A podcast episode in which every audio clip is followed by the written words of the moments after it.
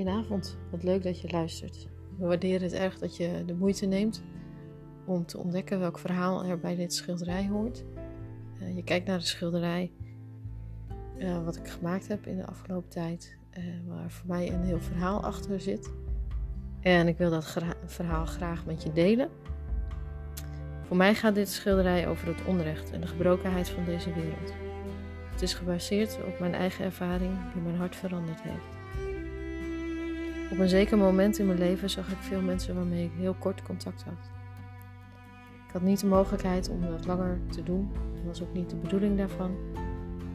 Maar naarmate ik beter keek met mijn hart en niet zozeer met mijn hoofd, zag ik dat heel veel van hen gebukt gingen onder verdriet, ziektes, verslavingen en nog veel meer ander leed. God opende als het ware mijn ogen voor hun pijn. Soms had ik dan het gevoel dat God naast me zat. En met zoveel liefde naar deze mensen keek, dat ook mijn hart brak van de vanwege de mengeling van verdriet, liefde en verlangen. Het verlangen van God dat deze mensen bij hem thuis zouden komen, om geliefd te zijn. Het nummer van Leland, Tears of the Saints, gaat hier ook over. Dat is altijd een nummer voor mij geweest wat me ontzettend raakte in de oproep die erin zit.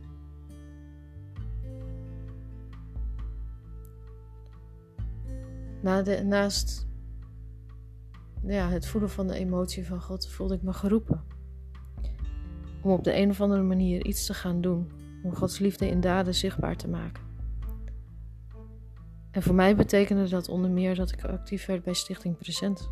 Dat was een van de plaatsen waar ik mijn traan van verdriet mocht laten vallen om het leed van mensen op deze wereld iets te verzachten. Wie weet herken je wel iets van wat ik vertel. Er is vast een vorm van onrecht waarvan jouw hart breekt. Of het nu het leed van dieren, kinderen, vrouwen of nog iets heel anders is.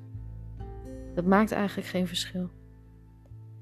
Ik geloof dat het specifieke onrecht dat jouw hart breekt, ook het onrecht is waarbij jij uitgenodigd wordt om het verschil te maken. Vaak is het maar een klein verschil wat we kunnen maken. Soms word je zo moedeloos van de oneindige stroom van ellende waarmee je in aanraking komt. Ik tenminste wel. Als ik al die beelden op tv zie, als ik al die rampen zie die gebeuren en waar ik in feite niets aan kan doen, als ik leed zie van mensen om me heen, dichtbij en ver weg, dan lijkt het zo'n enorme, overweldigende stroom dat je denkt van ja, heeft het überhaupt nog wel zin? Het lijkt dan zo zin en betekenis, zo klein en betekenisloos. Die ene kleine druppel die we laten vallen op die enorme gloeiende plaats van onrecht. Ik weet niet of je het herkent, maar ik kan er behoorlijk moedeloos van worden. En op een van die momenten vroeg ik me af of het überhaupt wel zin had. Wat ik deed, of wat anderen deden, want het onrecht lijkt wel altijd te winnen op deze aarde. En ja, op dat moment heb ik dat gevoel ook met God gedeeld. Heer, het lijkt zo zinloos. Vader, het breekt mijn hart, maar wat ik doe, er is nog zoveel meer leed. En ik kan niet alles. Toen liet God het plaatje van dit schilderij zien.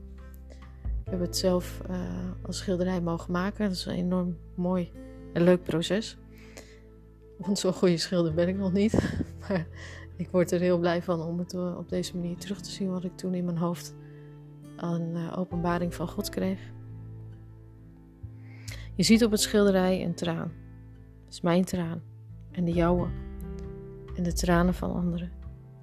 Ze vallen in slow motion tegen een donkere achtergrond. Een achtergrond van pijn, verdriet, onrecht en ellende. In de traan zie je een figuur dansen.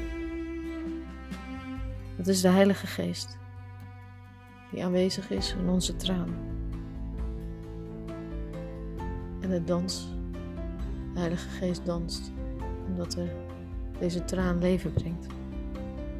De betekenis ervan is dat als wij Gods tranen huilen om het onrecht van deze wereld, God zelf in die traan aanwezig is om te verzachten, te genezen, om mensen bij Hem thuis te brengen. In plaats waar jou en waar mijn heilige tranen vallen, wordt een plek van herstel en genezing. Deze belofte staat ook in Psalm 126, vers 5 en 6. Zij die in tranen zaaien, zullen met gejuich oogsten. Met deze belofte wilde God mij toen, en ik geloof jou ook nu, bemoedigen. Om door te gaan met het zaaien van tranen en met het zaaien in tranen. Ik geloof dat we door de oprechte betrokkenheid en de aanwezigheid van God in jouw tranen en in mijn tranen, dat we verschil kunnen maken. Ik geloof dat jouw tranen en jouw handelen op die manier echt verschil kunnen maken door de aanwezigheid van God zelf daarin. ik wil je dan ook aanmoedigen om niet op te geven. Huil je tranen, laat ze vallen op de plekken van onrecht. Weet dat ze gezien zijn. Weet dat jij gezien bent. En weet dat in jouw tranen de Heilige Geest aanwezig is. Om genezing te brengen op de plek waar ze vallen. Dankjewel voor je tijd en je aandacht en ik wens je zegen.